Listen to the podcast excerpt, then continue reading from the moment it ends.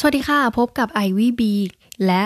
สวัสดีค่ะ พบกับไอวีบีและบทสรุปเนื้อเรื่อง Batman Fortnite Zero Point เมื่อแบทแมนต้องไปอยู่ในโลก Fortnite เขาจะสามารถหลุดออก เขาจะสามารถหลุดออกจากลูป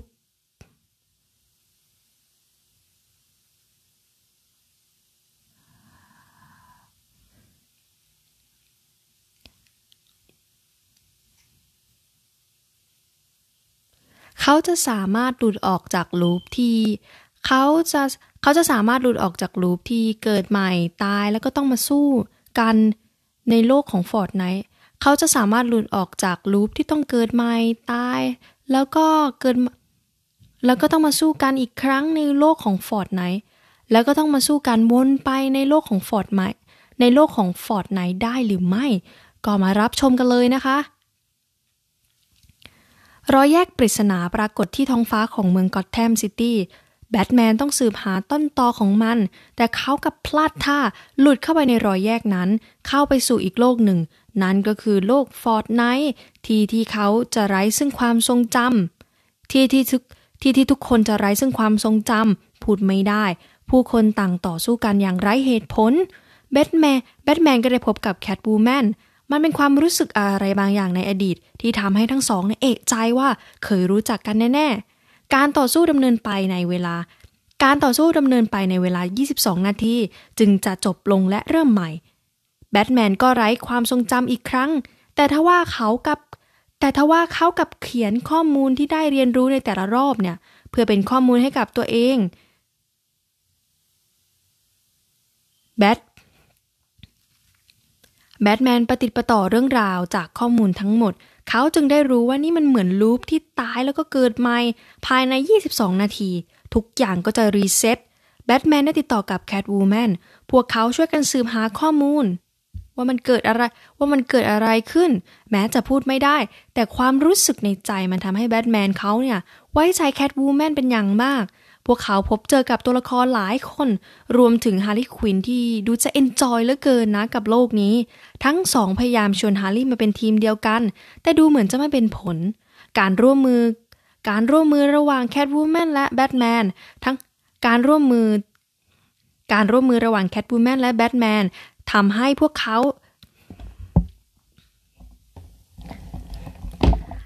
การร่วมมือของแคทวูแมนและแบทแมนทำให้ทั้งสองเนี่ยได้ข้อมูลที่สำคัญว่าไม่มีทางที่จะออกจากเกาะนี้ แต่ละ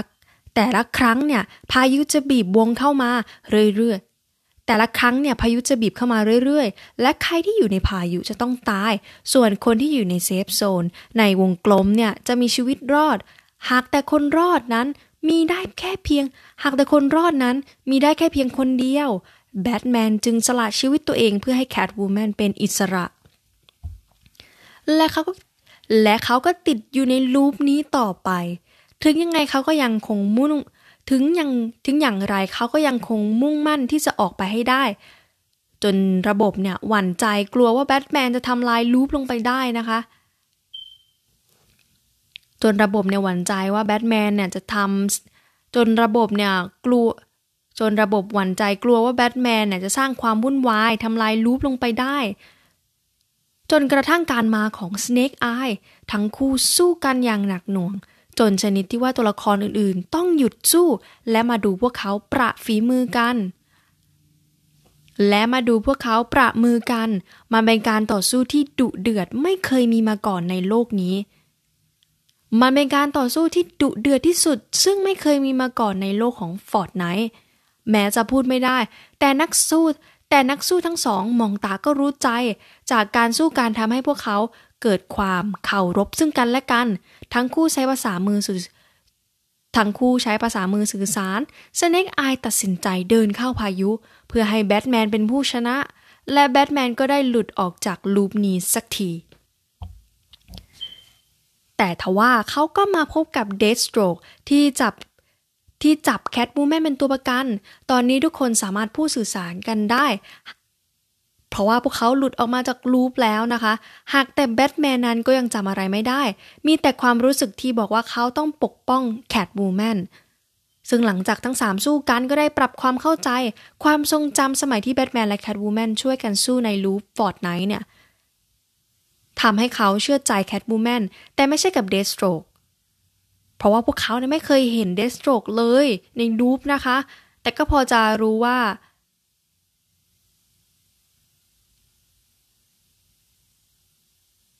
แต่ก็พอจะแต่ก็พอจะรู้ว่าเดสโตรกเนี่ยตอนนี้ก็คง แต่ก็พอจะรู้ว่าเดสโตรกเนี่ยไม่ใช่ศัตรูนะคะ หากแต่คือ แต่ก็พอจะรู้ว่าทุกๆคนที่อยู่เนี่ยนะคะ ไม่ใช่ศัตรู หากแต่พวกเขาคือผู้ชนะใน หากแต่พวกเขาคือผู้ชนะในรอบก่อนๆและตัวละครคนอื่นๆ ก็โผล่มาให้ข้อมูลกับแบทแมนบางคนก็อยู่มาอย่างยาวนาน ถูกดึงมาจากโลกของตัวเอง มายังโลก Fortnite พวกเขาก็สืบหาข้อมูลหาทางออกด้วยตัวเอง แต่ก็ไม่เป็นผลนะคะแบทแมนจึงวิเคราะห์จากหลักฐานข้อมูลต่างๆ ของบรรดาคนที่เคยอยู่ที่นี่ ไรเดอร์ผู้ที่อยู่มานานเรเดอร์ผู้ที่อยู่มานานถึง 4 ปี เธอก็โชว์หลักฐานหินโบราณชิ้นหนึ่งที่บอกเรื่องราวว่ามีเหตุการณ์ที่คนต่างมิติถูกดึงเข้ามาในโลกนี้ และมีผู้อยู่เบื้องหลังคอยเฝ้ามอง ราวกับเป็นพระเจ้า แบทแมนเขาก็แบ่งหน้าที่ให้แต่ละคนไปสืบค้นข้อมูลเพิ่มนะคะ และก็พบว่ามีฐานลับอยู่ภายใต้พื้นดินของเกาะ Fortnite ที่ไม่สามารถเปิดจากข้างนอกได้ แต่หลังจากสแกนเก็บข้อมูลทุกอย่างแล้วนะ เขาก็สามารถหาวิธีเปิดมันได้นะคะ พวกพวกเขาพบทั้ง monster ที่ดูเหมือนเป็นผู้เฝ้าฐานลับ รวมถึงคลังอาวุธที่ซ่อนอยู่ ทีมจึงแบ่งกันไปสำรวจ จนกระทั่ง Fishstick ถูกโจมตีบาดเจ็บสาหัส ก่อนตายเขาก็ได้มอบหลักฐานชิ้นสำคัญให้กับแบทแมน นั่นคืออุปกรณ์ที่ทำให้ใครก็ตาม สามารถเข้ามาที่เกาะนี้ โดยที่ไม่ต้องผ่านลูป และความทรงจำจะยังอยู่ครบทำให้รู้ว่าในทีมแบทแมนเนี่ย มีหนอนบ่อนไซผู้ที่ไม่เคยติดอยู่ในลูปมาก่อนนั่นเอง แล้วทีมของแบทแมนที่เหลือก็ต้องฟาดานเหล่าทหารไอโอจนได้พบจนได้พบกับที่ตั้งของ Zero Point ลำแสงที่นำเอาทุกคนมายังโลก Fortnite ซึ่งเจ้าสิ่งนี้แหละค่ะ มันดึงเอาตัวละครจากมาเวลจาก Rick and Morty แอม Marvel Rick and Mor จาก Rick and Morty คนอื่นๆ อย่างเงี้ยมันดึงเอาตัวละครจากมา มันดึงเอาตัวละครจากมาเวลจากทีวีจากหนังซีรีส์ต่างๆ เนี่ยนะ คนอื่นๆ มา cross over กันในโลกของ Fortnite นั่นเองค่ะ และมันก็คือสิ่งที่จะทำให้ทุกคนเนี่ยกลับไปโลกเดิมของตัวเองได้ ด้วยเหตุนี้บรรดาสมาชิกของทีมแบทแมนจึงได้กลับไปยังโลกของตัวเองสำเร็จ จนเหลือแบทแมนและจนเหลือแบทแมนแคทวูแมนและเดสโตรกแบทแมนเขารู้ทันทีนะคะว่าแบทแมนเขารู้อยู่แล้วล่ะว่าเดสโตรกนี่แหละคือไส้ศึก และมาจากโลกเดียวกันกับพวกเขาแน่ๆและเดสโตรกก็ร่วมมือกับเหล่าไอโอมาตลอดนั่นเองเขา เดสโตรกจึงทำลายทางออกและหนีไปยังเมืองก็อตแทมซิตี้ทิ้งให้แคทบูแมนและแบทแมนยืนงง พวกเขาจึงต้องไปหาทั้งสองจึงต้องไปหาแหล่งพยังทั้งสองเนื่องจากพลังงานไม่เพียงพอในการเปิดประตูมิตินะคะ พวกเขาจึงต้องไปหาแหล่งพลังงาน พวกเขาจึงต้องไปหาแหล่งพลังงานมา และนึกออกอยู่ทางหนึ่งนั่นก็คือฮาร์ลีควิน คนที่ดูทรงแล้วน่าจะมาจากโลกของพวกเขานะคะ แต่ทว่าฮาร์ลีนั้นเนี่ย enjoy กับโลกนี้สุดๆ คนที่ดูทรงแล้วน่าจะมาจากโลกของพวกเขา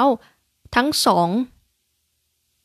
ถึงได้ทั้งทั้งสองจึงได้ใช้เครื่องมือของเดสโตรกที่หลงเหลืออยู่เนี่ยwarp กลับเข้าไป warp กลับเข้าไปโลกของ warp กลับเข้าไปโลก Fortnite ที่ต้องต่อสู้วน loop กันไปมานั่นเอง แต่ทว่าฮาร์ลีควินนั้นกลับ enjoy โลกนี้สุดๆ ก็ได้แต่งตัวมีท่าเต้น cool ๆแถมตายแล้วเกิดใหม่เพื่อมาต่อสู้อีก นี่มันสวรรค์สำหรับเธอชัดๆทำให้แบทแมนต้องเปิดฉากสู้กับฮาร์ลีและจัดการลากเธอมาได้ในที่สุด แต่ก็ต้องมาเจอกับร่างแยกของพวกเขาที่โลก Fortnite ที่โลก Fortnite เนี่ยสร้างขึ้นมาทำให้ต้องสู้กันไปนะคะ นั่นจึงทำให้ แต่พวกเขาก็ warp หนีกลับมาที่ ประตูมิติได้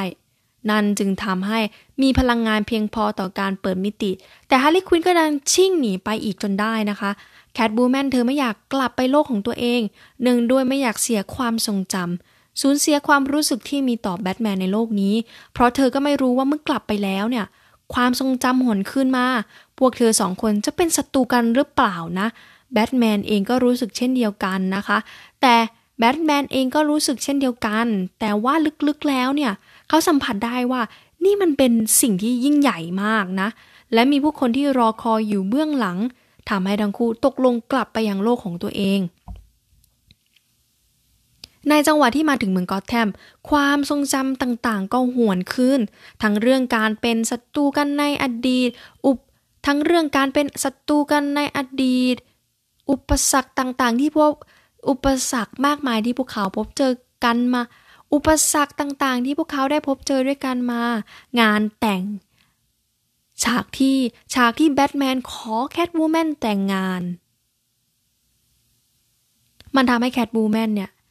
ถึงกับรับไม่ได้นะคะ เธอเสียดายที่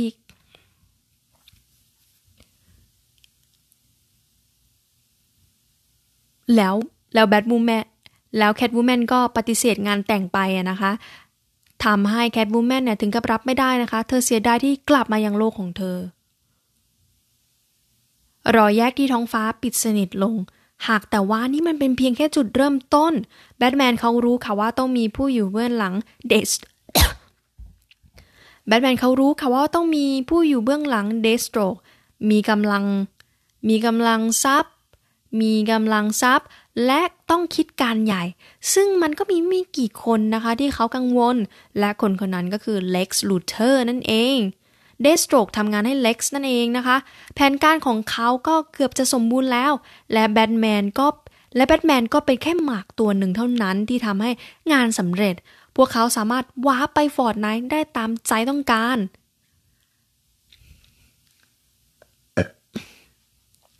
เล็ก เล็กซ์เขาไม่ได้ทำงานเพียงคนเดียวนะ หากแต่มี Batman Who Laughs วายร้ายที่มีทั้งแบทแมนและโจ๊กเกอร์ในคนคนเดียวกัน ผู้ซึ่งเชี่ยวชาญด้าน multiverse มาเซียมนั่นเอง รวมถึงบอสใหญ่ของเรื่องนี้ก็คือด็อกเตอร์สโลนนั่นเอง เธอเป็นตัวละครที่มาจากโลกของ Fortnite นะคะ ซึ่งพวกเขามีข้อแลกเปลี่ยนอะไรกันบางอย่าง และภาพสุดท้ายก็คือประตูมิติหรือ The Rift ที่ถูกเปิดออกในเมือง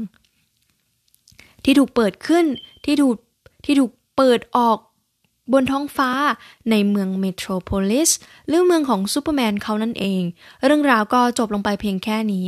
ซึ่งก็จะมีบทสรุปต่อใน one-shot ของแบทแมน Fortnite อีกนะคะ ก็ต้องมารอก็ต้องมารอดูกันในเดือนตุลาคมนี้นะคะว่าเรื่องราวจะเป็นยังไง หากเพื่อนๆชอบ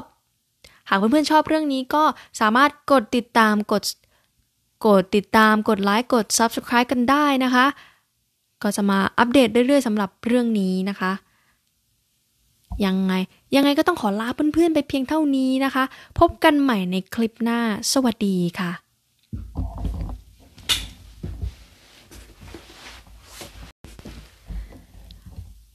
โดยในคลิปนี้ก็จะ โดยในคลิปนี้จะทำให้เพื่อนๆเนี่ยรู้เรื่องราวฟอ รู้โดยในคลิปนี้เพื่อนๆก็จะได้รู้เรื่องราวของ Fortnite ทั้ง 6 เล่มนะคะ